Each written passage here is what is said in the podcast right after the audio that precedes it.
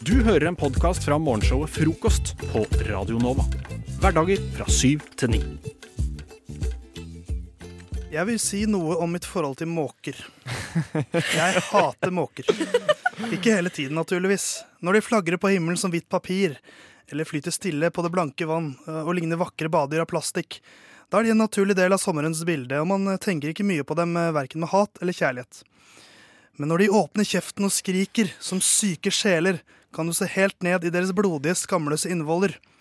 Slik åpner Odd Børretzen sin eh, fantastiske sang 'Måkene'. Eller 'Jeg hater måker'. Og jeg tror jeg har funnet hans motpol. De som elsker må måker? Ja. Ok. Jeg tror jeg har funnet mannen som ville laget sangen 'Jeg elsker måker'. Å. For eh, forrige helg så var jeg på ferie i eh, det vakre London. Ja. Jeg har lagt ut masse bilder på Instagram siden, eh, men det får så være.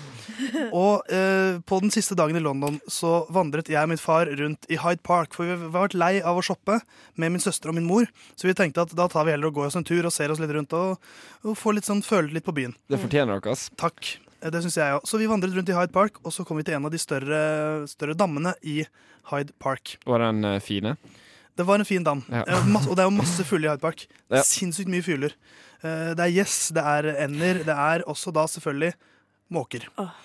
Um, og eh, jeg- vi, vi går langs dette vannet, og så ser jeg foran oss så er det en slags sånn måkesverm. En sånn tornado. Ja, ja nærmest. Som kommer mot oss. Og de kommer nærmere og nærmere og nærmere, og så ser jeg Herregud, det går en mann under alle måkene. Og denne svermen følger etter mannen. Måkekongen. Er det måkemannen? Det er måkemannen. Han, han kommer ned, også når, når vi, vi kommer oss nærmere, jeg kan se han, og man tror at sånn, en sånn fyr ser helt jævlig ut. Som en boms, liksom. Ja, ja. Han så ut som en vanlig mann. Han var kledd helt vanlig. Var han På- på- dekt av drit, liksom? Han var ikke det. Nei. Og på hodet hans sto det en måke. Var det Eh, og for det han da gjorde, han, han matet disse måkene mens han gikk, så han kastet opp eh, fra hendene sine. Å, Sånn brødsmuler og masse ting. En Som de liksom kjempet og, og sloss om. Og denne måken som satt på hodet hans, den hadde på en måte fått gullsete. Mm. Den beste plassen. Så den, må, og Satt, den, satt det en måse på hodet hans? den sto på hodet hans, men den måtte også da kjempe for å forsvare plassen sin. Ja. For det var alle måkene ville på en måte være, ja, ha den plassen. Så den, liksom, den lettet litt av og til, slo med vingene og liksom skrek mot måkene som var ved siden av utfordret den, før den satte seg ned igjen og liksom fortsatte å, å, å lete etter mat. Eh, Var, var det tidligere engelsk eller britiske statsminister um, David Cameron? Nei, det var Nei. Tony Blair. Tony Blair? Det var ikke Tony Blair heller, som også var en statsminister der. Men jeg syns det var en veldig sånn en fin ting. Ja, jeg syns egentlig det. Ja. Fordi at han, han øh, Men jeg skjønner på en måte heller ikke helt motivasjonen hans. Nei. Nei, for Hvis han bare hadde vært liksom sånn en gal mann, så hadde det vært én ting. Ja, og, det, og han kan jo ha vært gæren på innsiden, han bare så ikke sånn ut. nei. Ja. Spinnhakkende stulen, det er liksom. klart, Når du går med en måke på hodet, så ser du litt gæren ut. Men, Ja, men han så liksom klesdrakten hans så normal ut, og ansiktet hans så liksom ikke sånn Ja. slitent ut. Nei, for jeg ser jo for meg Hvis jeg skulle beskrevet en måkemann for dere her og nå, så ville jeg tenkt um, en, litt, en litt eldre herremann med en stor, tung kåpe eller kappe. En kappe, vil jeg si. Ja. Og ganske mye skjegg. Og en, en litt sånn rufsete lue, liksom. Mm. Kanskje han lukter litt tobakk. Måkemannen burde jo hatt en kappe som er på en måte satt inn med, med måkefjær. Måkefjær, ja.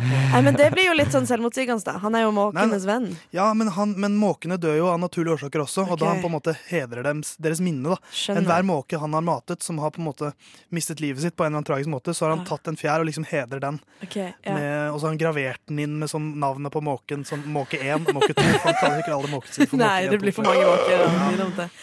Men, eh, men jeg syns det var litt vakkert, for jeg er jo veldig Ja. glad i fugler. Ja. Så, um, så kanskje jeg skal bli en eller annen slags fuglesuperhelt, jeg òg. Ja. Men jeg tror ikke jeg ville gått for måke, jeg ville gått for Stokkan-mannen. For jeg liker stokkender veldig godt. Så hvis du ser en Stokkan-sverm i Oslo en eller annen gang, så er jeg i nærheten. Nå går frokosttoget! Alle om bord!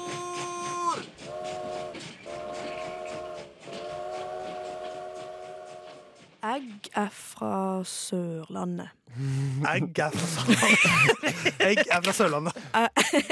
Egg Little known fact at alle egg kommer fra Sørlandet Nei, Sørlandet. shit. Til og med strutseegg. Til og med Det er jo strutseegg. strutser i dyreparken. De kommer derfra. Ja. Krokodillegg, slangeegg. ja, nå har jeg sagt det ganske klart. Egg kommer fra Vi Sørlandet. mange egg, ass. Noe annet som òg kommer fra Sørlandet, Det er du, Hedda. det er meg. Du var et egg en gang. Tenk det. Var du, var du født fra et egg? Eh, ja, Du var det var jeg. Fuck. Uh, nei. Det som er greia, er at jeg er jo fra det kjente, gode Sørlandet. Mm. Uh, og fra det aller tetteste, mørkeste, tyngste bibelbeltet. Mm. Eh, Farsund, for å være spesifikk. Ja. Og jeg tror ofte at det ikke har påvirka meg, Men til jeg kom i situasjoner der jeg merker Oi, shit, jeg er fra Sørlandet.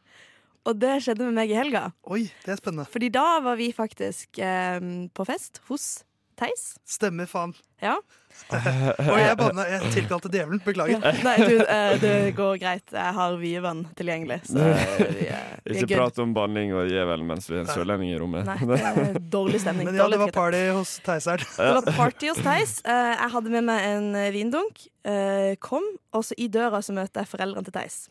Mm. Og så står jeg og snakker med de, og på en måte det er god S. God stemning. Kan jeg bare få skyte inn? Ja. Begge mine foreldre er fra Sørlandet. Ja. Uh, det hørte ikke jeg. Men uh, det som er greia, i hvert fall, så står jeg liksom der og så på en måte uh, har jeg liksom sånn vindunken min i en pose. Og så tør jeg ikke ta den opp. For jeg, jeg, jeg vil ikke at de skal se at jeg skal drikke vin. Nei. Så jeg på en måte bare lar den stå igjen i ganga. Og så går jeg inn til dere liksom og er sånn hei, hei. Og så når de har gått Så kryper du til alterhvitkorset. Du er jo på vei til fest i huset deres. Ja. Selvsagt vet du at du skal drikke vin, men du turte rett og slett ikke å komme her med en vindokke og si 'nå skal jeg drikke meg drita i deres hus'. Nei. Nei, det, det, jeg ville ikke at de skulle se det. Så jeg Ja, så det, og da, da får jeg litt sånn i ettertid sånn oi, shit. For da tror du at det Det er er liksom den ja. Sørlandet. For jeg kan jo si at jeg, før alle gjestene kom, så prata jeg med mine foreldre og drakk en pils. Ikke sant? Ja. Og det var Det- ikke problem. Og alkohol er helt gjengs i min familie, selv om det er eh, mange sørlendinger der. ja. Så ingen som eh, skjuler at de drikker der. Nei. Bortsett fra deg. Men jeg tror at du kommer et enda, enda dypere bibelhjerte enn mine foreldre. da. Ja, nei, men altså også, øh, Men det gir jo egentlig ikke mening, for det er, sånn, det er ikke sånn at mine foreldre er veldig sånn strenge på det. De er sånn 'Hei, skal du ha en øl til maten?' Og så sier jeg nei, nei, nei. nei, nei, du nei. 13 år gammel da de spurte om det. Nei, jeg var godt over 20. Jeg, var, jeg var en 20 år gammel da, da jeg fikk eh, det tilbudet, på en måte. 20 år gammel voksen kvinne fra Sørlandet. Ja, men jeg, synes, jeg ser på det fremdeles som skamfullt. Og i hvert fall overfor og andre sine foresatte. Når jeg i de sitt hjem, og jeg blir helt sånn Å, hallo, beklager. Nei, jeg blir helt, helt angstfull. Blir jeg. Det, det er jo noe snålt med det, da. Det er jo, eh, jeg er litt enig der. Altså, her kommer Du invaderer jo litt noen andre sitt hjem. Og det var jo sånn som jeg sa Ja. for to minutter siden, at nå skal jeg drikke meg drita på fest i ditt hus. Ja. Ja. Um, Og så var det liksom det at det var en dunk. Det var sånn en aggressiv eh, mengde alkohol. ja, var det fem liter eller tre liter? Det var tre liter. Ja. Fem liters dunk. Jeg har ikke sett det. Da har vi det. Ja, ja. Men jeg kan jo da, bare for liksom, Mine foreldre dømmer ingen. Og de også sånn, drikke det drita Jeg, melding, jeg sendte jo en melding da jeg hadde dratt og sånt Mm. hjemmefra. Fikk jeg svar fra pappa morgenkvisten etterpå at her ser det strøkent ut, og bla, bla, bra. Dere hadde en fin kveld. Og vi hadde kost oss, vi Så også. bra. Så bra. Så de, de, men så står det også at hun der sørlendsjenta Hun hadde med seg en hel dunk med vin. Så jeg håper jeg håper ikke at hun eh, dro det litt for langt. Så, så du ble nok dømt litt. Men, eh, men. men. Nei, det, var, åh, det er så viktig for meg at foreldre respekterer. At de, Ja. at de vet at jeg respekterer dem. Ja, men de respekterer ikke deg. ja, det går greit. Så det kan du i hvert fall vite. Ja, det er fair. fair.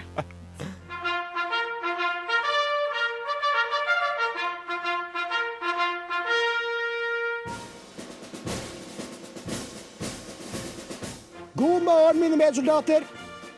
Lytt til frokost mellom syv og ni hver dag på Radio Nova.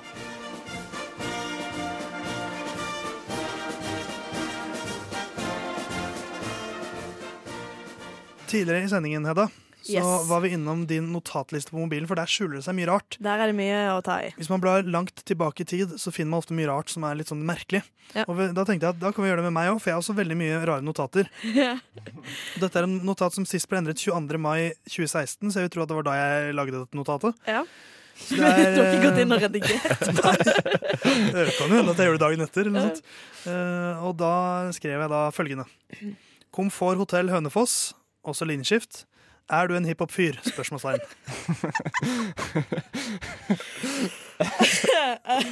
Og jeg vet Du vet fasiten. fasiten. Du vet hvorfor Så du har skrevet dette. jeg husker hvorfor jeg har skrevet dette. Okay. Men hva tror dere? Hva, Eh. hva du skrev igjen? Jeg kan lese igjen. Sist endret altså 22. mai 2016. Ingen overskrift. Komforthotell Hønefoss. Mellomrom. Eller nei, eh, linjeskift. Mm. Er du en hiphop-fyr? Spørsmålstegn. Um, uh, kan jeg bare etras, hva, hva slags forhold har du- til Komforthotell Hønefoss? Uh, jeg vet at det ligger i Hønefoss. okay. Uh, jeg har et, for hvis jeg svarer på mitt forhold til det, så avslører jeg litt av, av svaret. Men jeg kan si at jeg har et profesjonelt forhold til Komforthotell Hønefoss. okay. Eh, det jeg tror, det er det at du skulle på date på Komforthotell Hønefoss. Og For så det, man har ofte dates på, på hoteller. I Hønefoss. I hvert fall i Hønefoss. Ta oss en liten frokost på Komforthotell Hønefoss. Så skal vi se hva som skjer. Jeg vet om det, jeg bare sier det. Jeg har bare, ja, jeg har bare leid et dobbeltrom. Um, eh, nei, og så tror jeg at du har vært litt nervøs for den daten. Eh, så du har skrevet opp et par, et par sånn stikk eh, for, sånn, for å holde i gang samtalen. Et nødspørsmål. Som er da Jeg som en heterofil mann har gått for Er du en hiphop-fyr? Jeg føler at hiphop-fyr det er kjønnsnøytralt. Ja, ok. Ja, ok. Den, er med på. den er litt med på, faktisk. Ja. Eh, så det, jeg tror det er på en måte liksom, Hvis samtalen går i stå, da går jeg for Hei, men om du, er du en hiphop-fyr? Og da, da er vi i gang. Og da sier jeg for det, og jeg. Ja, og så begynner breakdowns, og så er det liksom drømmedaten. Min teori er jo det at du har vært på uh, Komforthotell Hønefoss, eh, og så har du eh, tenkt det at her trenger jeg en DJ, ass. Her trenger jeg så sjukt en DJ. Ja, ok Og så har du eh, Og så har du tenkt litt, da, og satt du liksom og spiste denne biffburgeren din. For du, du er ikke vegetarianer. Um, Å nei. nei. Uh, biffburgeren jeg, jeg kommer til poenget her. Eh, og så Og så har jeg liksom sittet der, nytt middagen din, og så tenker du fy faen, her trenger jeg en DJ. Okay. Er du en hiphop-fyr? Sier du til deg sjøl? Retorisk spørsmål. Ja. Ok, ja. Så, du, så du tenker rett og slett her er et marked, her skal jeg infiltrere et marked. Ok, ja, du, du vil bli Ja, det er mer sånn Er jeg en hiphop-fyr? Jeg er en hiphop-fyr. Hvis jeg hadde droppet spørsmålstegn, så hadde det vært 'jeg er en hiphop-fyr'. Ja. Ja, ok. Ja, eh, jeg kan røpe at dere er ganske langt unna fasiten. Nei, Shit, nei, nei. For dette stammer fra eh, Jeg jobber jo som journalist. ah. Og dette er at jeg i 2016 skulle dekke Ringerike Grand Prix, som er et, et av de største norske sykkelritene. Og jeg var der sammen med, med min sjef, så det var bare vi to som var der på, for vår, eh, vårt sted. Da. Mm. Eh, pressesenteret var på Komfort Hotell Hønefoss. Ja. Eh, så det var noe sjefen min sa til meg mens vi satt i bilen, så jeg tenkte det skrev jeg bare ned, sånn at jeg husker det. Eh, og mens vi satt i bilen, for vi kjørte da til, til Hønefoss sammen, mm. så, spurte, så satt vi og hørte musikk og pratet om musikk, og da spurte sjefen min meg Er du en hiphop-fyr. og jeg syntes bare det var en veldig morsom setning, Ja, så jeg skrev den ned. Så at jeg husket det til senere. Kanskje jeg hadde lyst til å prate med det på radio, og nå gjør jeg det også. Tre, år, tre, tre år senere. Så det er altså historien bak Komfort Hotell Hønefoss, og er du en hiphop-fyr? Det er noe fint med at du klarte å avslutte denne sirkelen. da Ja, vi kom Tre år in the making. tre år in the making, så ser det skrivende ting på notatene dine, så plutselig kommer det på radio. God morgen. Har du sovet godt? Å, godt å høre. Skal vi høre på frokost sammen? Ja, la oss, eh, la oss gjøre det.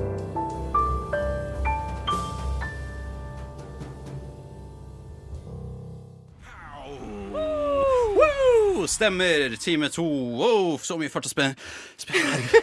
Jeg blir Jeg er så andpusten Det var dansepause. Det, Det er bare bra. det var dansepause. Vi har bare drevet og dansa rundt i studio og lagt ut masse rare ting på My Story og sånt. Våre personlige Instagram og My Story. Og danse Danse. gjorde jeg på fredag. Du danser på fredag? Ja. Oi. Hvor da? Eh, på Uvisst. Eh, det er et utested i Ja. Tordenskiolds gate.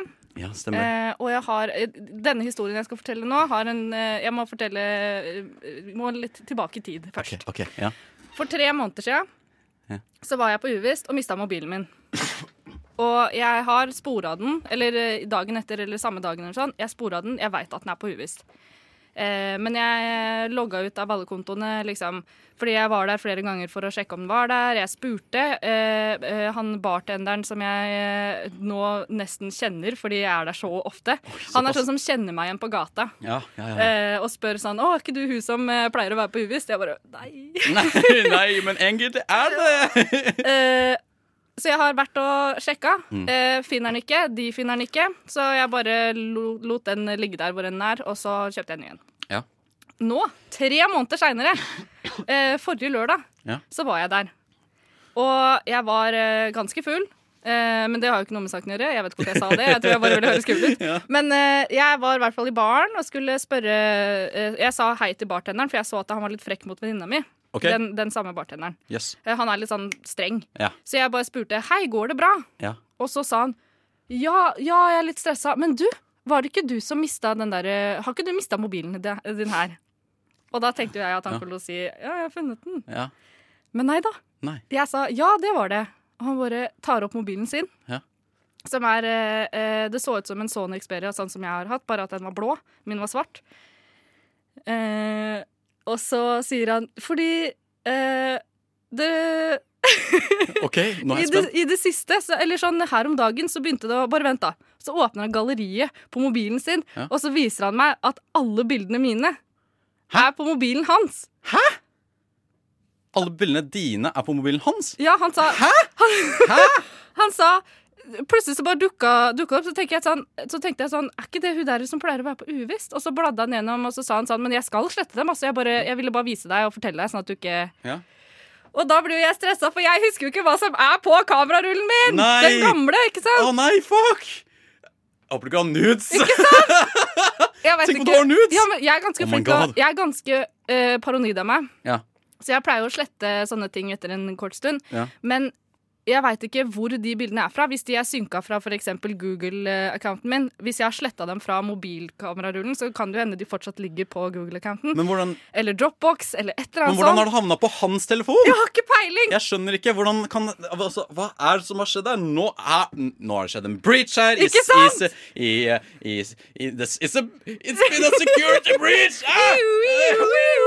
Og jeg har, jeg har googla, jeg har snakka med folk. Alle sammen sier ja, men kanskje du har uh, logga på wifien på uvisst. Nei, det har jeg ikke. Nei. Kanskje du har eh, tatt på sånn der eh, public deling. Nei, jeg har ikke det. Jeg har ikke gjort noen ting. Med en gang jeg spora mobilen og visste at den var på uvisst, så logga jeg ut av alle kontoene mine sånn fjernstyrt. Og eh, jeg husker ikke om jeg sletta alt, men jeg tror ikke jeg gjorde det.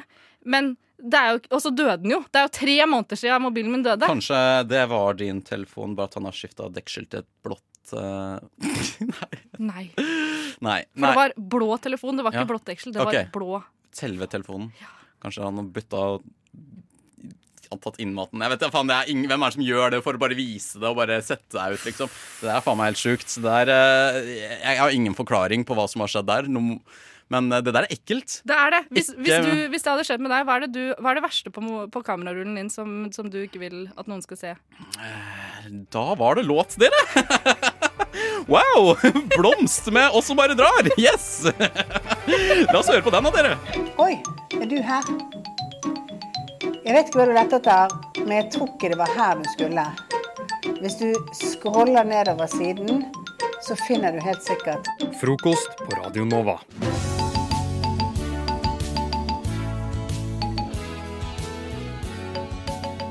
Nå har vi brukt forrige stikk til å kaste ut verb, og objekter og adjektiver og alt mulig. Og nå har Lisa satt sammen en adjektiv historie som hun er veldig gira på å høre.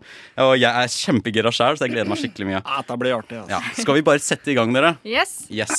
Dette er da halvbrødre. Halvbrødre. Kan jeg få litt uh, akustisk gitar i bakgrunnen? Tusen takk. Det er bare tre timer siden André takket ja til jobben som bussjåfør i Apple, men allerede nå har han fått i oppdrag å reise til Asia for å dokumentere den årlige golfkampen mellom Månemannen og Ivan Larsson. Han sitter på stasjonen på Hamar by og blar gjennom den nyeste utgaven av KK når det setter seg en fremmed, rød mann ved siden av ham. André føler seg ekstra jovial i dag og innleder en samtale. Så ut og, ut og drar i dag? spør han. Mannen sender ham et stort blikk, Gi. sier han bare. André gir seg ikke, Litt av en truse du har der. svarer Ivan. Blondete vær i dag, eller hva? Sug meg! Jeg er virkelig ikke humør til å prate akkurat nå. Samboeren min har blitt obsesst med å kjøre 33 timer, timer i strekk hver jævla 3000 år. Jøsses. Tålmodigheten min er på størrelse med en dokke, så beklager hvis jeg er frekk nå, men kjeften på deg. André nikker, snurper igjen nesebora og lar stillheten ta overhånd. Slik sitter de i 38 minutter før den fremmede mannen kremter beskjedent. Beklager. Det var lilla av meg.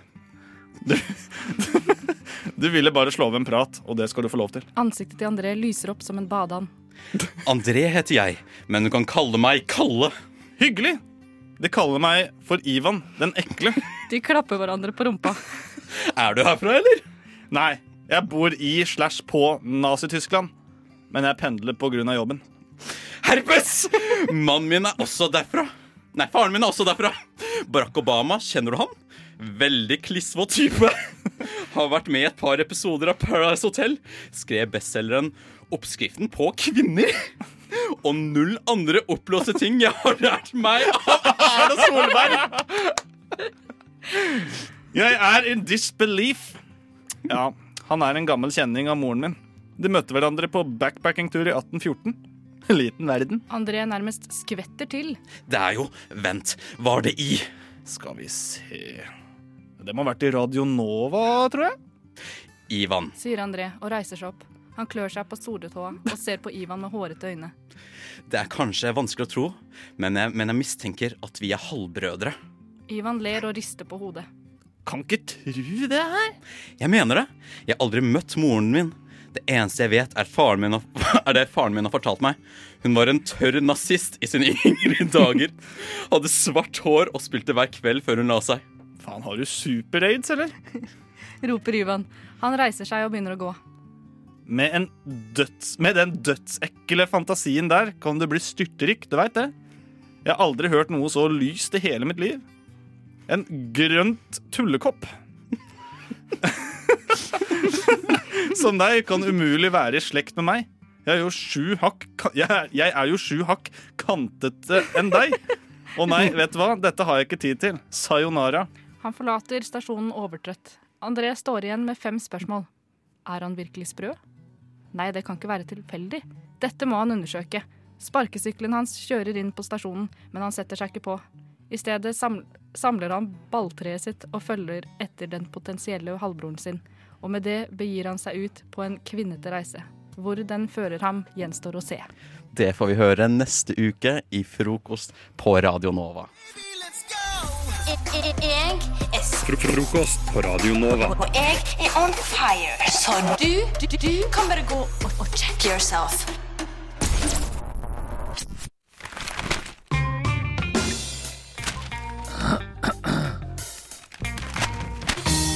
Dagens aviser. Eh, det stemmer, dagens aviser. Eh, jeg har bladd opp i eh, dagens fysiske versjon av Aftenposten. Yes. Og jeg er egentlig ikke en tabloidpreget fyr, virkelig ikke. Men dette her er et unntak, altså. Ja, Ja. ok. Er spent. det er ikke veldig viktig å få det her ut til folket. Men det er viktig for meg å få utløp for artikkelen. Ok, ja. Jeg er spent på å høre hva det er. Ja. Og det her er igjen ikke representabelt for meg. Ok. Eh, det har seg sånn at uh, låtskriveren, hvis man kan kalle det Ja. Tix, uh, skal nå bli med i Paradise Hotel. Skal Tix være med i Paradise Hotel? Per, ja, Tix skal bli med i Paradise Hotel. Uh, OK, det er greit nok det. Det er egentlig ikke en big, big surprise. Men han har én kommentar til hele saken, Ja. og det er Jeg tror ikke folk forventer at jeg faktisk er så oppegående som jeg er. Og jeg syns jo det er en sånn skrekkelig ironisk setning. Ja, men det er jo en klassisk eh, Paradise Hotel-setning, føler jeg. da Det er alltid én eh, per eh, sesong som sier det. Ja. Å, fy faen. Ja, Nå har jeg ikke sett Paradise Hotel. Jeg har sett sånn én episode sporadisk her og der i kollektivet. liksom Ja. um, Men jeg har fått med meg nok til å skjønne hva det går ut på. Ja. Uh, og jeg må bare meddele at jeg virkelig hater det. Um, og jeg har, jeg har sett en sånn YouTube-compilation Ja. av, av dumme quotes. ja. Da, Og den jeg likte best, var Altså, Det er ikke rakettkirurgi, det her, liksom.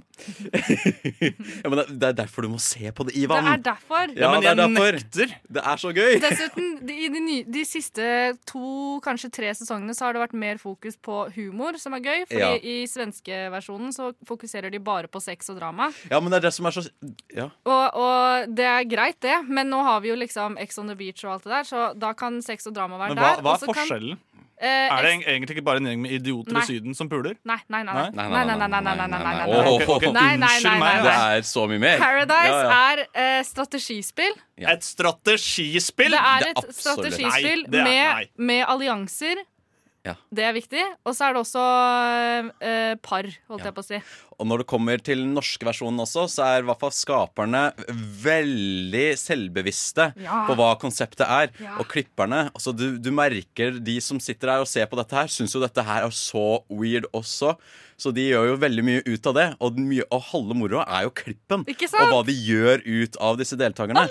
Ja, ikke sant? Det er så gøy! Jeg elsker Paradise. Jeg, jeg også var som deg, Ivan. Jeg, var også. som deg. Jeg var også sånn i Ja. 2008. Ja, ikke sant? Og så, et par år senere jeg, var sånn, jeg kom inn i sesong tre, tror jeg. Da var jeg sånn OK, jeg, jeg tror jeg bare fikk med meg Jeg sto på i bakgrunnen, og så bare fikk, tok jeg, inntok jeg passivt det som foregikk på skjermen. Og så var jeg sånn OK, jeg ble helt etter det Bare, jeg ble helt investa. Ja. Og nå er det sånn, nå må jeg se hver sesong. Samme her! Ja, Bortsett fra den sesongen med skuespillere. Husker du den?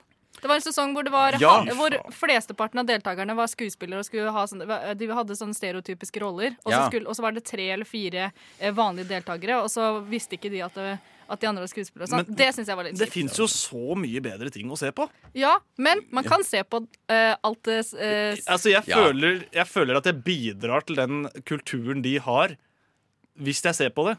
Nå, å nei, det vet du hva, Paradise Hotel det, Jeg tror faktisk du kommer til å like det, altså, hvis du kommer litt inn i det. Fordi jeg tror du kommer til å sitte her og tenke Vet du hva jeg hadde gjort hvis jeg hadde vært i den alliansen? Eller vet du hva, det der var dumt, jeg hadde heller gjort bla, bla, bla. Jeg tror du Ja. koser deg med strategispillet.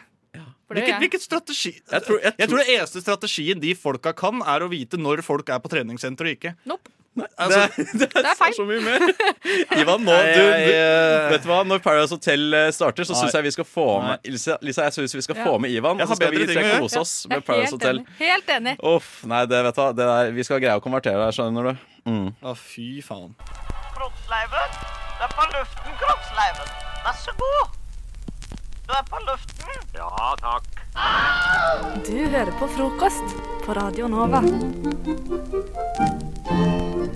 Og jeg har fått med meg denne 10 year challenge. Altså tiårsutfordringen som er altså en, som har gått sin farsott gjennom sosiale medier de siste ukene.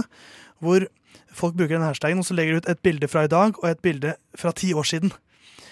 Men øh, jeg tenkte da, da vi, det må vi gjøre noe på. Men vi driter i det som har vært. Vi er mer opptatt av det som kommer. Så jeg tenkte da tar vi en 10 year challenge for framtiden. Og det vi har gjort, er at vi har eh, Helga, Christian og jeg, Theis, har forberedt hverandres fremtid. Det vil si at jeg har eh, prøvd å spå hvordan Helga sitt liv er om ti år. Helga har forsøkt å spå hvordan Christian sitt liv er om ti år. Og Christian har forsøkt å spå hvordan mitt liv er om ti år. Vi burde grave det ned og så hente det frem igjen om ti, ti år og sjekke om det er riktig. Det hadde vært tidenes kiling i, eh, på ulike erogene soner. Vi tar og spiller de nå, og så graver vi ned lydfila. Hør på eh, 23. januar om ti år. Da. Nei, men, men vi kommer til å gi, framføre det, eller lese det opp nå. Eller spå, rett og slett. Si hvordan det kommer fasiten, velger jeg å kalle det. Eh, vi gjør det i to runder. Har en av dere lyst til å begynne? Jeg kan ta den, jeg. Du kan ta den, du. Jeg kan ta den, jeg. Og da eh, tenkte jeg at hva passer vel bedre da enn musikk fra Star Wars? For det skjer jo en galakse langt, langt borte for lenge, lenge siden. Men eh, den er sånn spasa og, og fancy. Så Christian, du skal da spå hvordan mitt liv er om ti år. Ja. Så da er jeg veldig spent.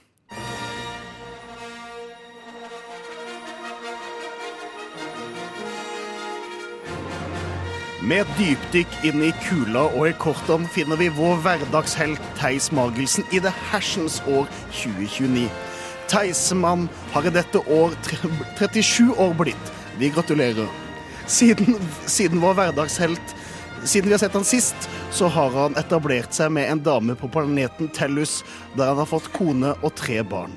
Kona heter Summer Rose Terry, og sammen har de fått tvillingparet Frank og Didier, som er to år gamle. Og de har også sønnen Tor Otto på to måneder. Fyrsten Christian Påske er død, og hans sko og sykkelhjelm har vår hverdagshelt tatt over og styrer med karbonhånd.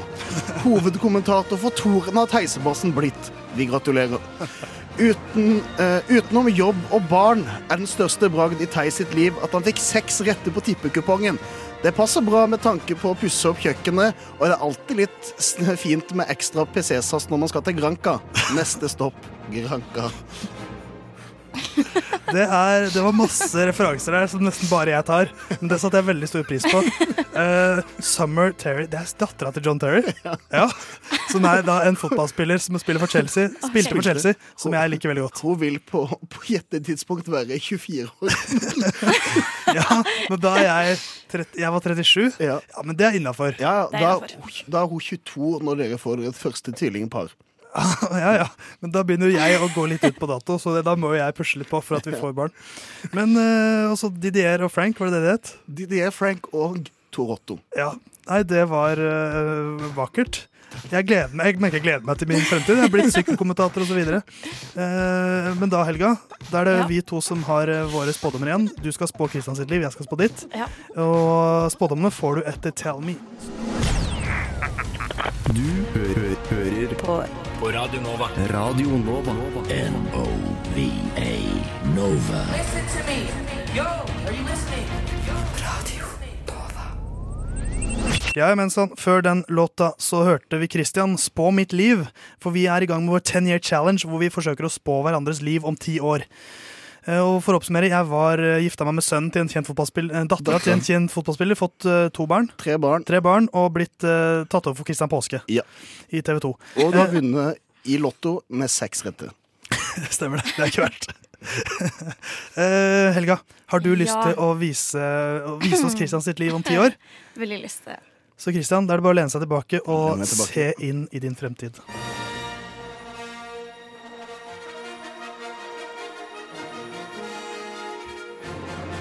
Om ti år, Christian, har du fått langt skjegg, typ ned til der hvor brystet møter magen. Du har din hovedinntekt fra å lese inn lydbøker og være barne-TV-onkel. Du bor i en treroms på Sagene sammen med kjæresten din, som du har hatt i tre fine år. Problemet er at det er i femte etasje uten heis, og snart kommer dere til å måtte drasse med dere litt ekstra greier. Dere venter nemlig deres første barn, en liten babyjente. I husstanden har dere en fast ordning hvor du vasker og kjæresten din lager mat. Så ryddig ordning. Eh, I det siste har det derimot vært litt irritasjon rundt dette, fordi du har vært ekstra travel med å lage podkast sammen med Theis, og det har gått spesielt utover vasking av badet. Podkasten går som passe bra. Du har det veldig bra, er lykkelig, men du, har, eh, du er bekymra for at du snart skal ha dette store ansvaret for et levende menneske. Du og kjæresten krangler litt om navn til babyen fordi kjæresten elsker navnet Norvegia, noe du er skeptisk til. Du har blitt en sykler. Du har ikke lenger månedskort på kollektivtransport, men sykler overalt hvor du skal. Du jobber på Sim og skriver manus til en TV-serie om årene på Nova du håper å få laget. Ellers kaster du på mye penger på å tippe fast i Lotto. Det er fint at Lotto også går igjen her. Ja, det var faktisk helt sykt. Jeg syns dette virker så troverdig. Det, det minst troverdige at du har begynt å sykle. For du slår deg ikke som en sykler. Med mindre jeg har klart å påvirke deg gjennom Ja, for dette det, jeg ser for meg vår. at I podkasten din så har du utfordret meg til det, at vi skal sykle. Eller at jeg skal sykle. Ja, det er der det kom fra. Ja. Ja, men det, det var en spennende vei. Det tok altså så mange år før det ble babys og sånn. Måtte, Mm. bli, måtte Ja. bli 33. Ja. Ja. Nei, men jeg setter pris på det. Fin framtid. Ja, jeg syns det høres ut som et nydelig liv. Ja, det, det høres ut som et liv verdt å leve. Så- det er bare å holde ut. Ikke, ikke, ikke sånn. Eh, Helga, da er det deg igjen. Å, shit, jeg glemmer. Ditt liv 2029. Det er det jeg som skal forsøke å spå. Uh, Så da er det bare å lene seg tilbake og se inn i din fremtid.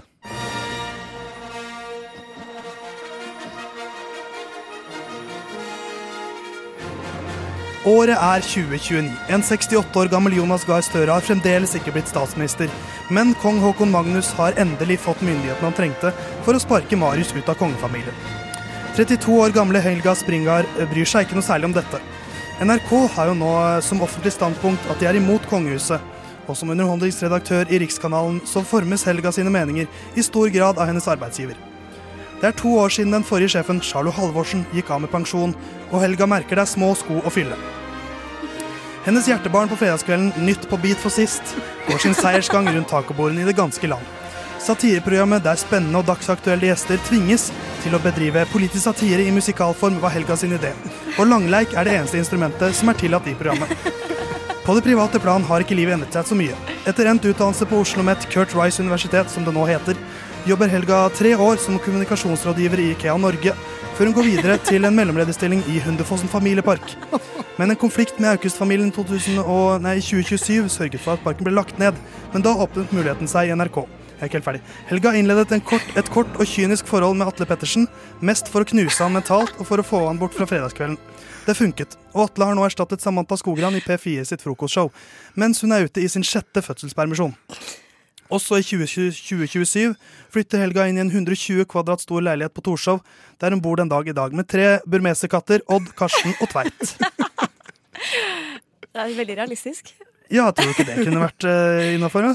Jo, absolutt. Det hørtes helt, helt greit ut, det. Du tar den? Jeg tar den. jeg tar den. 32 år gammel underholdningsredaktør i NRK. Det er ikke dumt, det. Det er ikke dumt. Gratulerer, din heldiggris. Du hører på Frokost på Radio Nova.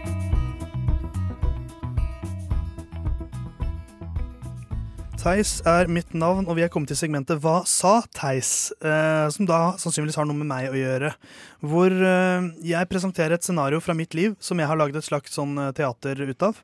Eh, teater, eh, radioteater. Og eh, det slutter før jeg kommer med min punchline, på en måte. Og da stiller jeg da spørsmålet etter det til Christian og Helga. Hva sa jeg her?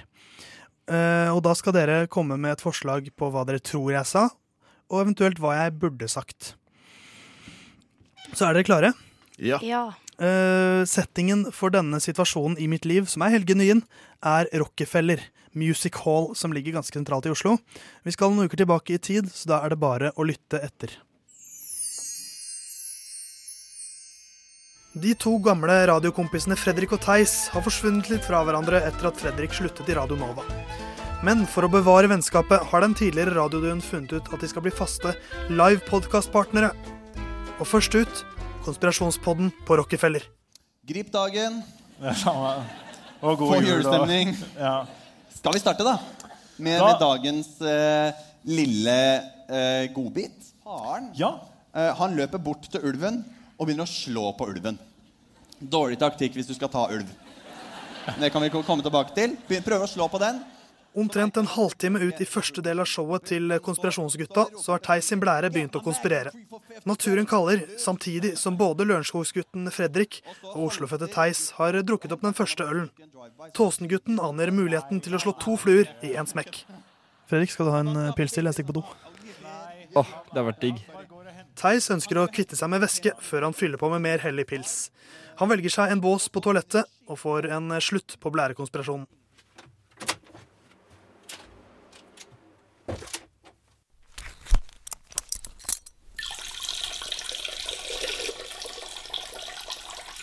Åh. Ja, det var godt. Etter at vannet er latet, går 26-åringen ut av båsen, og i samme øyeblikk så går døra ved siden av opp. Ut kommer en lyshåret kvinne på omtrent samme alder. Et lite øyeblikk så får Fredrik sin venn panikk. Har han gått på feil toalett? Men nei da. Theis ser pissoarene stå standhaftig og betryggende lenger inne i rommet. Uh, er jeg på guttedoen nå? Er jeg på guttedoen nå? Var det denne kvinnen sa til meg på toalettet på Rockefeller, på herretoalettet? Ja, jeg Og hva et- svarte jeg på Jeg har den? et umiddelbar tanke på hva du har svart. Uh, skal jeg levere den, eller skal vi resonnere før vi Dere kan jo resonnere litt først. Ja, ok. Eh, Fordi jeg tror Theis han går for det åpenbare. At uh, han har sett altså, Det tenker vi har fått hint at han har sett pissoar. Og det kommer han også til å gi til svar Ja. i, i, i svaret til kvinnen. Eh, og at man, han, kommer til å legge på han litt sånn uh, før han svarer. Uh, fordi han skal, er litt usikker på hvor han skal gå. Har du noen andre innvirkninger? ja, jeg tenker med pissoar er kanskje noe litt, at han sier noe litt dumt. Liksom. Ja, peker på pissoaret sånn Ja, slå deg ned, eller for å liksom At det er noe ordentlig tullete han sier, på en måte. Og så blir det veldig klein stemning. Fordi det jeg tror du sier, Theis, det er Eh, altså, Pissoarene er i hvert fall her, så jeg vil anta at dette er gytedoen. Det tror jeg, det tror jeg Theis sa. Ja. Uh, og eh, det, det Theis egentlig håper han skulle sagt, det var Vi lever jo tross alt i 2019. Gutt- og jentedo. Ja. Samme kan det være. Ja. Hvis er sånn ønsker han svarte. Eller at han ønsket å svare et eller annet sånn, veldig sånn for å måte, få henne til å føle seg litt sånn Å ja, nei, jeg vet ikke. Jeg kan godt hende det er unisex 2. Altså, jeg, jeg vet ikke. Bare for å få henne til å liksom Det er veldig sånn Slapp eh, politisk korrekt, og liksom, jeg ser ikke kjønn og sånt. Men, Ja. eh, men det er gode forslag. Um, så Christian, du går også for Det du sa, er uh, Altså, det er i hvert fall pissoarer. Jeg vil anta at dette er guttedoen. Det tror jeg du sa. Det tror jeg du sa. Ja, Hva vil du si, Helga? Slå deg ned mens du peker på pissoaret. Ok, Da skal vi få høre fasiten. Har han gått på feil toalett? Men nei da. Theis ser pissoarene stå standhaftig, våger betryggende lenger inne i rommet. Uh, er jeg på guttedoen nå? Ja, det er, det er fare for det, men eh, det går nok greit. Å ja. Såpass snappy og kjapp var jeg. er du imponert? Altså, du, du, du leverer under par. For jeg trodde at du skulle komme på et såpass Ja, ja, pissoaret er her, så det kan jo være det. Eh, men det er jo, det er jo teis ting å si. Men jeg syns jo det, det er fare for det. Den er ikke så gæren da. Det er jo litt sånn humor. Ja. Eh, jeg føler også jeg skal, ha, jeg skal også ha poenget der. Ja, du var på en måte inne på noe, på en eller annen måte. Så Christian, du skal få den, og så skal jeg prøve å levere neste gang jeg tilfeldigvis treffer en kvinne på guttedoen. Øynene åpnes, øynene lukkes. Øynene åpnes, øynene lukkes. Øynene åpnes. Frokost på Radio Nova. Alle hverdager fra syv til ni.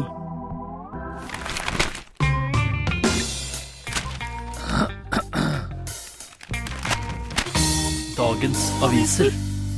Eh, på kultursidene i Aftenposten i dag så står det om navn. Noe som for meg Jeg er veldig engasjert i det. Jeg syns det er utrolig gøy. Jeg har selv en liste med navn som jeg liker, som jeg skal ta frem når jeg kanskje får barn en gang. Har du en bok hjemme som er sånn norsk navnebok, som du sitter og leser og ler? Eh, ja. Ja. Jeg elsker navnet. Jeg syns det er kjempegøy. Disse navnene har du kryssjekka de med hvor mange som heter de på forhånd? At du kan ta statistikken på det? Mm, Nei, det har jeg ikke gjort ennå. Men det kommer jeg kanskje til å gjøre da, når det, det blir aktuelt. Hva har Aftenposten å melde om navn, da? Ja, fordi her har de rare navn, om hvordan, eller gamle navn, da. Som vi i dag ler av, men som jo var helt vanlige før. Kolbein? Står det der? Nei, det er ikke Nei. som jeg har fått med meg, i hvert fall. Vidkun. Nei. Men eh, for eksempel Mogens. ja, men dere kan fortsette å gjette. Nei, la oss, la oss høre noen, eh, den faktiske. For eksempel Stinken Dass. Hvem er det som kaller datteren sin det? Er det et jentenavn? ja, Kødder du? Jeg, tenkte at det var guttenavn. det er en, prest, dass. en prestedatter. Men, ja, ja, navnet. men dass er et gammelt etternavn. Så Ja, den er jeg med på. Petter- Petter Ja. Dassen. Ja, Petter Dass, ikke Ja. sant. Men, men stink. Ja, for det er kombinasjonen som blir så tullete. Så jeg tror eneste, Den eneste relasjonen jeg har til, til det navnet, blir jo nok Mummidalen med stink i. Ja, Og- Ja, ikke sant? Men hvilket kjønn på. er stink i, det vet jeg faktisk ikke. Intet kjønn. Slem. Ja. Og så har vi sånn Analius, som er sånn ha-ha. Ikke sant? Ja, det er morsomt. Det står ikke på lista di. Det er som en russebuss. Nei, det står ikke på russa mi. Men uh, det, det greia er at det er ikke så rart, fordi det medisinske uh, ordet anal, det var jo ikke kjent Nei, ikke for folk på den Men, tiden. er det ikke rektum som er riktig terminologi der? Eh, ikke i forhold til det som står her. I Nei. Neste navn Rektumius. ja, det, altså, det kan du kalle barnet ditt, Kristian. Men jeg syns det er komisk med navn. Vi har altså navn fra 1891. Så er det sånn jentenavn Norvegia. Det er osten jeg vil ha. ja, men Åh, min, best, min, det er mitt favorittpålegg. Norvegia. Hæ? Hva sa du? Norve Norvegia. Er Har du ikke hørt reklamen? Nei. Osten, nei. osten Norvegia. Jo, jeg kjenner til osten Norvegia. Det er mitt favorittpålegg. Oh, ja, ja. Så lagde de en sang som da er Norvegia, det er osten jeg vil ha. Ja. Som en drøm et noe sted et mareritt, det er Norvegia. Oh, Folkets ja. favoritt. ja, vi er helt enig. Norvegia er jo Ja. den beste osten. Det er jo et flott navn, da. Norvegia Magelsen. Kanskje min datter Kanskje min datter Her er min datter Norvegia og min sønn Jarlsberg. Theis, Theis, ikke ta det ille opp. Men jeg håper barna dine blir laktoseintolerante. Å, guddommelig ironi. Kjære gud, det håper jeg også, for det er sykt gøy. Det er faktisk veldig, veldig gøy. Men kan du gi oss et navn du har på topplista di av navn å gi? Ja. Mm, Top of your head. Hvis jeg hadde fått to barn nå, en gutt og en jente eh, Lauritz og eh, Norvegia. Det er fristende å si Norvegia, men eh, jeg sier det er vanskelig. Det er så mange fine navn, sant. Synnøve Finden. Eh, Bare finn den. Her er min datter Synnøve og min gutt Finn. er. Jeg velger Ada. Ada og Lauritz. Lauritz. Ja. Men har vi, har vi noen flere navn her som vi kan uh, skyte av litt kjapt? Eh, det var vanlig å sånn Bjørnstjerne, eller kalle opp barna sine etter sånn kule folk, fordi det var gjerne folk som var fattige, da. Ikke sant? Så had, kunne de ikke gi barna sine så veldig mye mer enn et fint navn. Så da var det det de fikk. Ikke sant? Eller så har vi sånn Vidgund. Urbanus. Urbanus. Pessmann. Pessmann. Er, det er dobbeltnavn. som noen har hatt. Urbanus Pessmann. De går hånd i hånd. ja. Skjønning Bernhard. Skjønning Bernhard. Nei, jeg tror jeg lander på Norvegia. jeg. Ja. Så uh, har du også tips til hva du kan ha på matpakken? Kroppsleiven. Det er på luften, kroppsleiven. Vær så god. Du er på luften. Ja, takk. Du hører på frokost på Radio Nova. Det gjør du. Håkon tenker på laksering fordi han drikker kaffe, som er ganske lakserende. Hedda, tenker du på det? Eller Eh, tenker, du på, konstant. eller tenker du på mykhet? Nei, jeg er litt sjokkert med tanke på at dere begge to ikke er i stand til å bevege beina deres på en naturlig måte, men det går greit. For like før denne låta var ferdig, så sa jeg Hedda, at av og til må man sette seg på bakbeina. Så Ja. kom Håkon inn, dundrede inn og sa Nei! det klarer ikke jeg. Fordi du er visstnok veldig eh, lite myk, Håkon. Jeg er veldig lite myk Håkon, og eh, jeg jeg har for så vidt eh, alltid vært eh, Alltid vært sånn. Eh, spesielt siden eh, min tidlige fotballkarriere, som eh, det er så teit å si karriere. For det, altså, når, når jeg og, og og jeg, vil, jeg vil anta, eh, basert på fordommer og hvordan det var i min hjembygd, 70-80% av den norske befolkningen, eh, spesielt på guttesida, har eh, spilt fotball når de var små, på den alderen der. Men da lurer jeg, Håkon. Hva var høydepunktet i din fotballkarriere? Høydepunktet i min fotballkarriere, det første jeg kom på sånn eh, on the spot, det er eh, en kamp som jeg tror var eh, mot eh, holeværingen. Eh, som eh, jeg skårte fra litt over midtbanen på halvvolley. Eh, og det var eh, ekstremt gøy. Eh, keeperen var langt ute. Jeg så det, ballen kom, litt spredt. Og så bare tenkte jeg fuck it, jeg prøver. Og så skjøt jeg halvvolley. Midt i mål. Fin lyd. Jeg var veldig fornøyd med det målet. Altså. Men da du skulle feire dette målet, Ja. da klarte ikke du å ta sånn Ole Gunnar Solskjær-feiring hvor du kaster deg ned på knærne og på en måte glir bortover fordi at du Jo. var altfor stiv? Jo, jo, jo. Men jeg måtte byttes ut, da. Ja. altså, nei, altså, nei, jeg, men jeg, nei, jeg kan ikke sette meg Jeg kan sette meg på ett og ett bein, eller fortrinnsvis høyre bein, ikke Ja. venstre, egentlig. For det, Eh, for det vi jo forsøkte, var at vi Eller du, Håkon, forsøkte å sette deg ned på bakken Mm. med en sånn klassisk Altså Det er jo en litt sånn feminin pose, for det, som, som regel ser jeg kvinner gjøre den, den måten å sette seg Ja, ned på. At de, tydeligvis de eneste som kan gjøre at de legger legger leggene sine langs bakken, Legger leggene. og så bøyer de knærne slik at uh, lårene legger seg ned på, le, på, på leggene. Altså, du setter deg på en måte på leggene og Ja. føttene. Men, Ja. men for du sa uh, hvordan kan man leve et normalt liv uten å gjøre altså, Når trenger du å sitte på den måten? Når du er på barneteater. Eller hvis du er på trening. Eller hvis du er sånn en trening? geisha, eller hva det heter. De Hvis som du er- hvis du er på geisha. Hvis du er geisha. Hvis du er en geisha, så Skal jeg prøve det, jeg òg?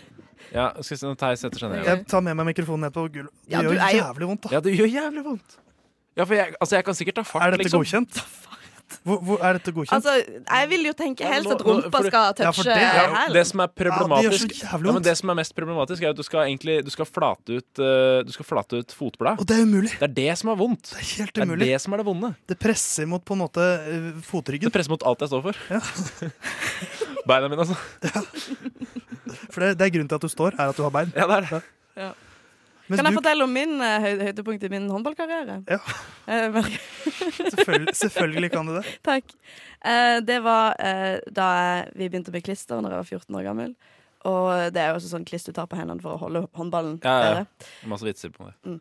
Og eh, så sto jeg strek, og så skulle jeg eh, på en måte bare holde på hun andre som var strek. Strek som i La Linja, denne tegneserien. Hæ? Det er eh, populær eh, tegning å ha på biler og sånn. Okay. Så det er bare strek, ikke sant? bare strek. Streken, som noe heter på norsk. Mhm. Beklager. Takk for meg. Ja, hei. Uh, I hvert fall, det som var greia var at Jeg tok på håret sitt, og så hadde hun på seg sånn extensions. Og så satte hånda mi seg fast i extensionen. Så når jeg dro ned hånda, så dro jeg av håret. Og så gikk jeg rundt med sånn Ah. extension. Jeg skulle ønske det var mitt høydepunkt. Ja. Eh, ja. Ja, nei, Det hadde vært enda gøyere på Gutter 12. Ja, ikke sant? Ja, med er- en med sånn en kommer én dude med extensions. og Idet jeg tar halvolje fra midtpannen, så tar jeg tak i håret hans og river av. Det er, åh, ja. Ja, hadde Tenk å se tilbake på det. Det er noe jeg skulle ønske jeg hadde en langrennskarriere å se tilbake på og kunne si at jeg hadde et klisterrelatert høydepunkt. Ja, ikke sant? Men det har jeg ikke. Nei, men det er, det, det er den færre og færre som kommer til å få. Tenk på Ja. ungdommen nå kommer til å ha sånne Ja, det fellebetinga høydepunkt i livet mitt. Det er ingenting som er klitser. Men jeg kan jo si mitt høydepunkt fra min sykkelkarriere, siden Ja, vi snakker om eh, Ja. høydepunkter. Jeg syklet et, eh, Og karrierer. et, et, eh, et juniorritt utenfor Tusenfryd. For de syklet fram og tilbake på veiene rundt, rundt Tusenfryd. Mm. Og eh, helt forferdelig vær. Eh, Jeg ble nummer fire. Men det var høyt nivå i det rittet, og jeg var veldig fornøyd med det. Ja, så det og så har jeg slått sønnen til Dag Otto Lauritzen en gang. Hvordan feiret du når du kom i mål? Jeg feiret ikke, for Man feirer ikke fjerdeplasser, men jeg var jævlig fornøyd. Så jeg feiret med meg selv. Kanskje greit å ikke skli på knærne, da. Har vel aldri gjort. Frokost på Radio Nova. Den følelsen når kjæresten din, som ikke vet han er kjæresten din, flørter med andre jenter. Kan ikke fordra gutter som får mer damer enn meg. Er så lei Rødt og SV. Idiot. Folk.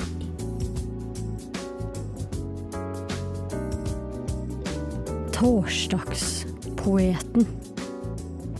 Vi skal bevege oss eh, videre inn i poesiens eh, hjørne, som vi har eh, så vidt befunnet oss i. Befunnet oss i, I hvert fall du, Hedda, og du, Theis. Og til veldig høy Det stemmer, det. Ja, stemmer det. Jeg glemte Jeg kan godt droppe det. Nei, nei, nei da, kjør på. For det blir vanskelig, men ok da. det er Bare å ikke bryte karakter. Her er vi Men nå, jeg, karakteren kommer tilbake når jeg skal lese dikt. Ja, så bra. Mm. Eh, og det er dikt vi skal lese. Nå har Hedda og Theis skrevet eh, så eh, kvesset har føyket. Og eh, det er eh, to fantastiske dikt vi skal få høre nå. Den ene handler om eh, butikkansatte. Ja. Og det andre diktet skal handle om det? Eh, billettkontrollør. Billettkontroll. Ja, jeg var så opptatt av å lese diktet mitt. ja, ikke sant? Ja, det er kult. Eh, Og siden du er så opptatt av å lese diktet, så tenker jeg egentlig at du kan egentlig bare få starte med å lese diktet. Skal jeg få begynne? Skal få begynne. Eh, først må jeg bare få si at det var gyselig mye sånn der eh, billettkontroll på Det var, ikke så stor spredning på det som sto der. Nei, det kan jeg Men skjønne. det blir dikt uh, likeså. Ja, vi gleder oss til å høre. Da er det bare å senke lyset og roe ned stemningen, og så får vi høre Theis. De står på Jernbanetorget oppe ved rulletrappa. Hyggelig i julestria. Utgang eh, vest, hva mer? Noe tull med billettappen til Ruter. Pass på. En som ble tatt av politiet ved Askim nå.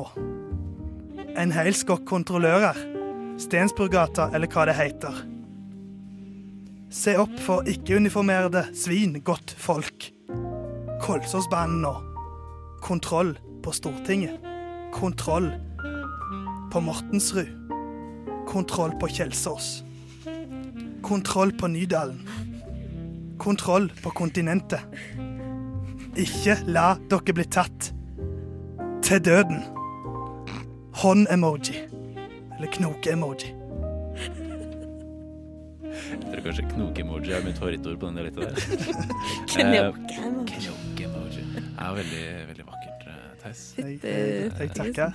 Og sterke budskap på slutten der. Veldig sånn, eh, sånn anarkistisk eh, sånn, I hvert fall samle, samle troppene. Nå skal vi stå imot på kontinentet. Vi hater billettkontrollører der jeg kommer fra. Janova går i front for oss. Og fra, eh, fra eh, rebellens eh, billettverden, holdt jeg på å si, så skal vi over til den litt mer eh, sedvanlige butikkhverdagen. For eh, vi skal inn på butikkansatte. Medarbeidere Shit, hva var det? Butikkansatt. Det er butikkansatte? Jeg vet ikke, jeg husker ikke. Nei, vi får se. Det var noe butikker. Ja, vi får høre I går så jeg noen bruke brødmaskinen til å skjære opp brød. Putte brød i plastikkpose og legge det tilbake i hylla. Jeg hadde en samtale med Gud i går. Han ba meg spise mer avokado. Hashtag ja ja. Hashtag bare en liten sprøyte.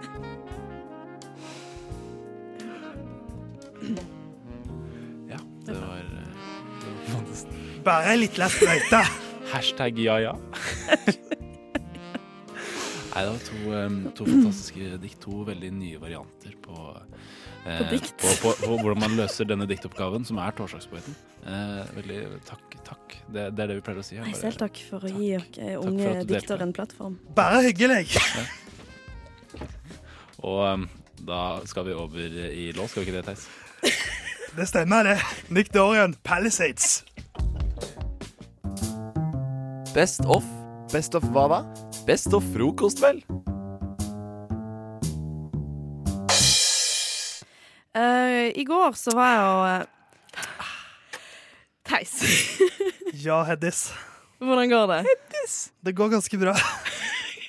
Hvordan går det med deg, Håkon? du skal faen ikke si noe, du som kaller deg Bekkis. Ja, men det kaller jeg meg. Jeg, Ja. jeg, ikke andre som går rundt og kaller Men- meg det. men- Eller jo, Så det er noen som kaller meg koselig. Du kan kalle meg Hedde så mye du vil, Theis. Bra, Heddis. Det var litt mye. OK, Hedda. Ja. Eh, her om dagen så var jeg og scrolla på Instagram, og så kom jeg over en lita annonse. Ja. Dere er kjent ja. med de? Annonse på Finn, ja. Nei, på, på- på Instagram. Instagram. Ja. Ja. Mm. Eh, og så beit jeg meg litt merke i den, fordi jeg syns det var litt morsomt. Fordi der er det en mann i en sånn en eh, flanellskjorte som står med en katt på en benk. Eh, og katten er Det er festa masse glowsticks på katten. Ok. Og under så står det Har du lyst til å starte din egen bedrift? De mest utrolige ting kan bli store suksess suksesser. Uh, igjen bare en mann med en katt som man har festa glowsticks på. Kjempesuksess. Ja. Opprett AS er mitt beste forslag. Men, men hva er businesskonseptet? Jo, men det er det, fordi det gikk faktisk an å trykke seg inn på 'finn ut mer'. Så da gjorde jeg det. Og Du gikk rett på limpinnen. Jeg gjorde det, Og da kom jeg inn på enkeltpersonforetak.no. Kjenn meg igjen. Eh, og så her står det Pål Gundersen har lenge gått med en gründer i magen. En nestenulykke motiverte han til å følge drømmen sin. Eh, så det som har skjedd, er det at Pål Gundersen Han gikk tur med katten, Mhm. og så holdt katten på å bli påkjørt. Og da tenkte han dette må vi jo ha en eh, løsning på. Eh, så Åh, nå ser jeg, nå, nå så jeg Ja, ja, så lagde en vest. Slutninger er trukket, eh, tråder er spunnet. Festa glowsticks på den, Fy faen. satte den på katten, og det er ifølge enkeltpersonforetak.no grunn nok til å kalle Pål Gundersen en gründer. Og det har de lyst til å faen så lage reklame på. Jepp. Og nå sier de at du kan også bli en gründer, slik som Pål Gundersen. Du kan også bli eh, Du kan også miste alle vennene dine. du bare, kan det er bare å det. registrere en dum idé på Eller liksom kjøpe en refleksvest. Jeg vet Ja, ikke. jeg vet det er, aldri, det er jo ikke Er det et produkt som fins? Mm. Vel. Jeg merker jeg gikk helt i kjelleren nå. Det her var liksom, det her var dråpen i begeret mitt. Men, jeg eh, orker ikke mer. Du, orker, du opererer med beger når Men- det er snakk om dråper? Ja, Det er det som velter begeret. Giftbegeret. Ja, ok, Unnskyld. ja. Kan jeg få lov til å si hva, hva han har kalt oppfinnelsen? Jeg er nesten frista til å si nei, for jeg kommer til å miste Er det Glowcat eller uh, Catsticks? Glødepus. Vet du hva, Da, da fikk jeg litt livsglede igjen her, for det er et kjempenavn. Glødepus. Glødepus. Det høres enten ut som et, et seksuelt uh, hjelpemiddel eller eh, glowsticks til katt. Det høres ut som jeg- katten til han derre Han derre Han der Farmen-fyren. Lotepus. Lotepus, ja. Glødepus. ja. Eh, ja. uh, selv om Vesten foreløpig bare er en prototype, er det flere katteeiere som har vist interesse. Det, ser er ut som det finnes et marked der ute for glødepus. Og kanskje andre glødedyr etter hvert. Nei, nå mista jeg viljen til å leve Kanskje andre glødedyr? Glødemus og glødesau, for eksempel.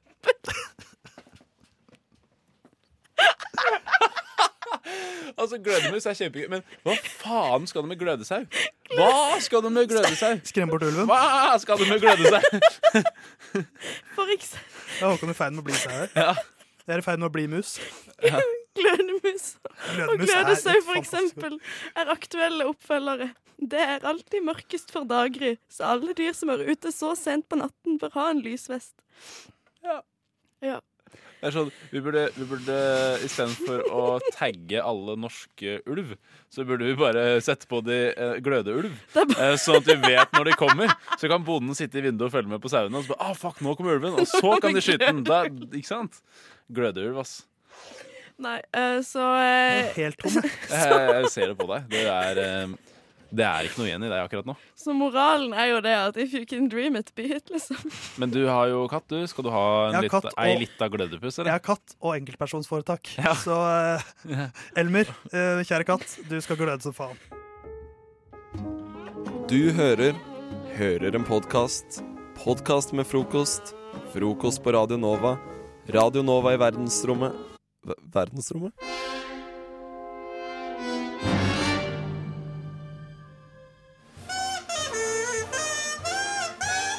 Have many friends. Nobody can do it like me. Nobody. There's nobody that understands the horror. Nobody loves the Bible more than I do. Nobody can do it like me. Nobody. A very, very small number. Actually, the number is getting up. Big, big number. A very big number. Bigger number than that. You know, in the old days, bing, bong. I'm sitting there tweeting. Bing, bing, bing. You press a button. Bing, bing. Bing, bong. Bing, bong. Drømtvitring. Trump-tvitring-konseptet der vi gir hverandre en person og eh, et tema som vi får to låter på eh, oss til å da forberede en tweet som er skrevet som denne personen, men med Trump-stil. Ah, yeah. For det jeg lurer på er, Hvordan hadde verden og sosiale medier sett ut hvis alle oppførte seg som Donald Trump? Og jeg, eh, Vi har eh, skrevet så blekket har flydd veggimellom. Det vil si jeg har skrevet på mobilen min, så det har ikke vært noe blekk der. Men det har vært eh, digitalt blekk, på en måte. Er det noen som har lyst til å begynne med å framføre sin eh, tweet? Maja? Eh, ja. Jeg kan godt, jeg. Husk at du har en mikrofon som du kan snakke inn i. Sånn. Hører dere meg nå? Åh, Den vakre røsten din er god å høre på. Eh, du fikk Jeg fikk Vent, da, jeg bare skriver ferdig den siste, Da kan jeg si hva du fikk. Eh, hun fikk da eh, komikeren Sigrid Bonde Tusvik og temaet Vinmonopolet. Ja. OK, er dere klare? Yes. Here we go. Hei, mitt trofaste fungfolk. La meg bare si at jeg er jævlig glad i to ting.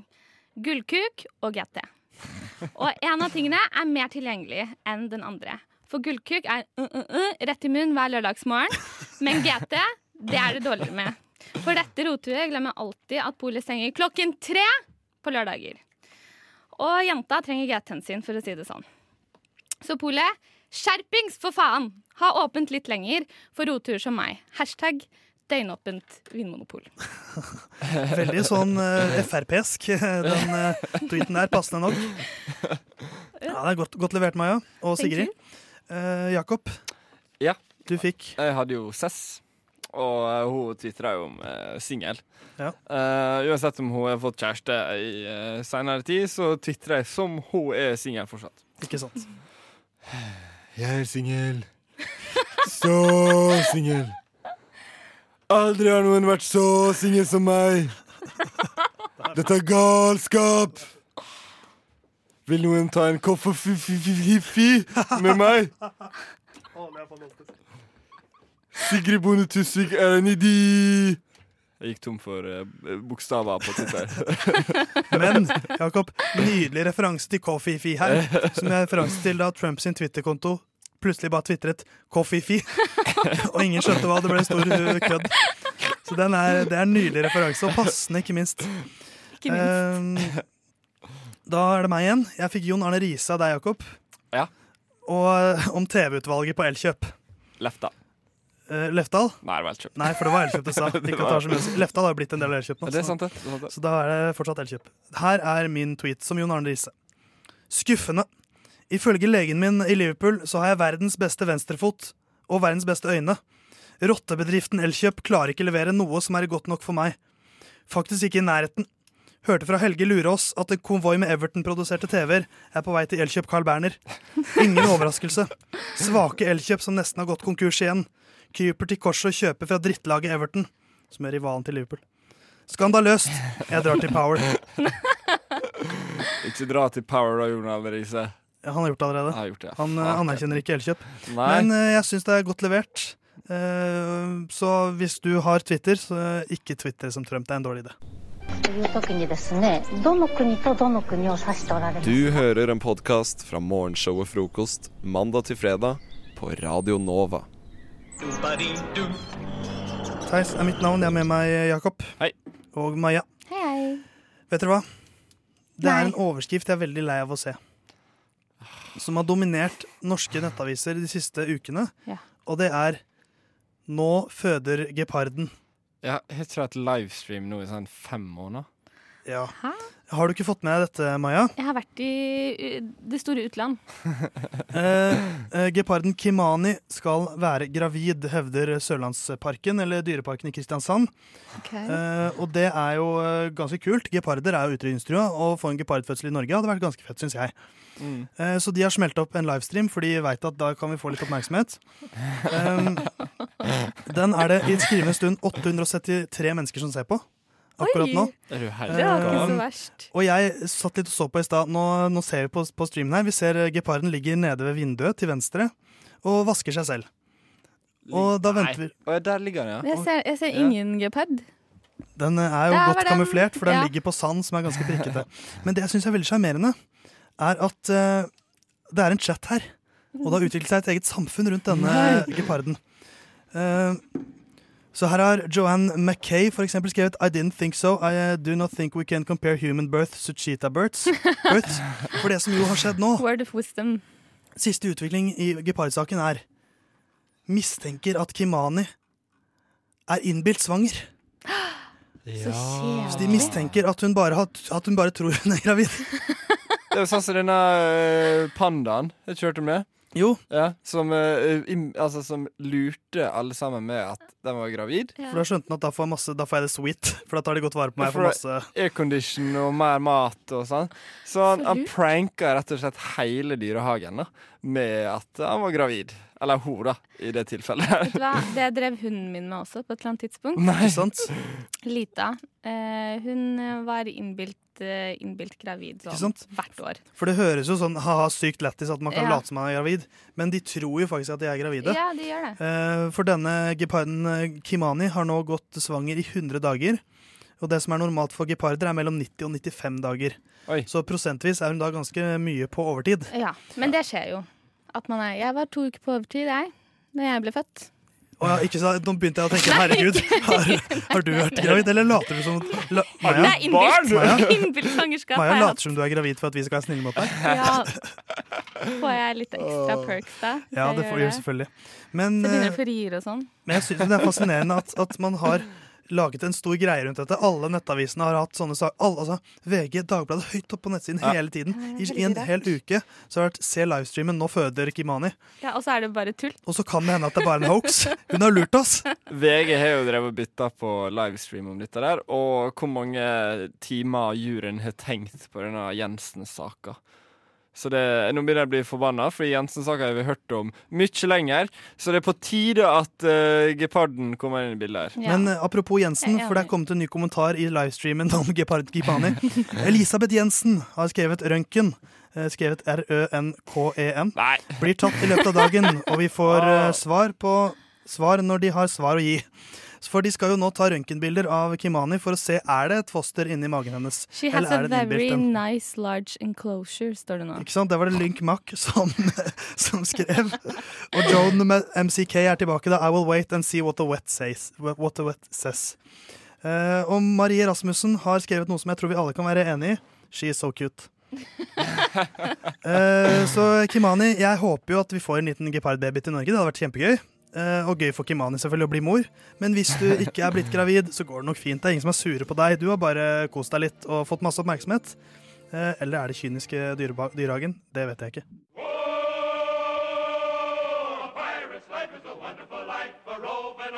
Du hører en podkast fra morgenshow og Frokost mandag til fredag på Radio Nova. Jeg har et eh, dilemma. Er det et etisk et? Det er et eh, eh, dilemma type etisk, ja. Oi, det er mine favorittdilemmaer. Episk, Et episk etisk dilemma? Det er et episk slash etisk dilemma. Ok, Så jeg er fattig. Er det, er det dilemma? Ja, det er en del av det. Jeg har minus 200 på bankkonto. Oi. Eh, og så har jeg nettopp flyttet til Ikke nettopp, da, for et år siden cirka. Flyttet tilbake til min hjembygd Drøbak. Der bor det en del sketchy folk. Blant annet deg. Blant annet meg, og blant annet en viss person som jeg ikke skal eh, nevne med navn. Men, jeg har nå begynt å, begynt å henge med disse sketchy menneskene igjen, for det er jo de som er igjen i Drøbak. Som ikke kom seg ut. Veldig nedlatende mot Drøbak, merker jeg. var veldig Har vi glemt det flotte akvariet, eh, julehuset, Ja. eh, den festningen, Oscarsborg, eller hva den heter? Har du vært på akvariet og klappet torsken? En sånn klappetorsk. Ah, Men Klappetorsk? Er det en ekte torsk man kan klappe? Ja, ja, ja. Som Det er liksom liksom. hovedattraksjonen. er en sånn stor torsk i et sånt åpent akvarium. Som du kan... Men Stor, og så viser du sånn 30 cm. Det er ikke en stor torsk. Å ja, sånn, sånn da. Meget stor, altså! ja, Nå har jeg holdt ah, hendene det stort i ekstremt Drøbak. nær hverandre når jeg skal vise hvor stor torsken var. det er big fish in a small Ja, pond. Men videre med dilemmaet. Jo, men eh, jeg syns jo det er gøy å ha det gøy, selv om jeg er fattig. Og jeg er jo, liker jo en liten tur ut på byen. Å ja. Oh, ja! Så nå har det seg sånn at jeg har begynt å henge med en fyr som betaler alt Nei. på byen. Men oh, jeg veit også at disse pengene kommer fra visse sånn uh, OK. Eh, Ikke så veldig hyggelige handler, holdt jeg på å si. Alt er ikke betalt Det er eh, hvitt, for å si det sånn. Det er doppenger. Jeg trodde konklusjonen din skulle være at han betaler for alt på byen, og nå må du ligge med han. Det har jeg sikkert gjort allerede. Nei, faktisk ikke. Nei, men ok, Så det, det er en det er å henge med han som en, henge med en venn? Ja, ja. Ja. ja, ja, Ja, ok. henger med den. Men han betaler absolutt alt. Han betaler inngang, han betaler champagne, han betaler eh, Vi der, ja. VIP-bord. Ja. vi er der. Skal det jeg sant i Drøb Drøbak, Tenk nå jeg, da. Nei, det er når vi er ute i Oslo, da. Ah, ok. Og vi drar dessverre på litt sånn type steder som jeg ikke står så inne for å dra på. Sånn for eksempel Horgans og Nox og sirkus. Men alt er gratis. Skal jeg ta det imot, eller skal jeg ikke ta det imot når jeg vet at pengene kommer fra noe som er ulovlig? Jeg tenker Maja Irene Ottarsrud, Ja. for å utlevere deg med fullt navn. Ja. Dette er en slippery slope. Okay. Dette er en, den glatteste slopen du har vært borti på ganske lenge. Uh, for når man først er blitt vant til en sånn livsstil, man er blitt vant til at når man går ut, så er det eh, bobler, og det er, man, man slipper unna uten å betale noe som helst. Ja. Og hvis du da skal bort fra det, så kan det bli vanskelig, tror jeg. Ok, å ja, Også- Så du tenker at eh, hvis jeg fortsetter med dette her, så kommer jeg meg aldri ut av det? Ja, for du kommer til å bli avhengig av det. Men det er jo ikke det dette her handler om. Nei, det er jo ikke det det handler Eh, om. dette her, nå gir du jo et råd på livet, men eh, vi sitter her jo med et, et, et, episk etisk dilemma. Uh, om hun skal akseptere det eller Ja. ikke. For jeg mener jo at Ja, men, men uh, hvis jeg skal svare på det, så blir det for kort. For jeg mener jo at det, du må bare slutte å la han betale for det. Ja, men Hadde han vært vanlig rik, så hadde det vært greit. Ja. Men siden han er rik på eh, doppenger, så er det ikke greit? Ja. Okay. Ja. Kjedelig svar. Det var men- ikke det svaret jeg ville ha. Altså- jeg er jo fattig. Ja, men du kjører du på, da. Det er jo litt sånn Altså, det er lett å talk to talk, men så skal man walk the walk òg, da. Sånn, fra mitt eget liv, for eksempel. Eh, jeg støtter fotballaget Chelsea. Mange lurer på Mm. hvorfor- vil han trekke inn dette her. Men Ja, de det eies av en russer som har, er en sånn russisk oljemagnat som eh, har utnytt, altså Disse russiske oljeoligarkene, Mm. som eh, da russerne fant sin olje, så solgte de den til noen enkeltpersoner.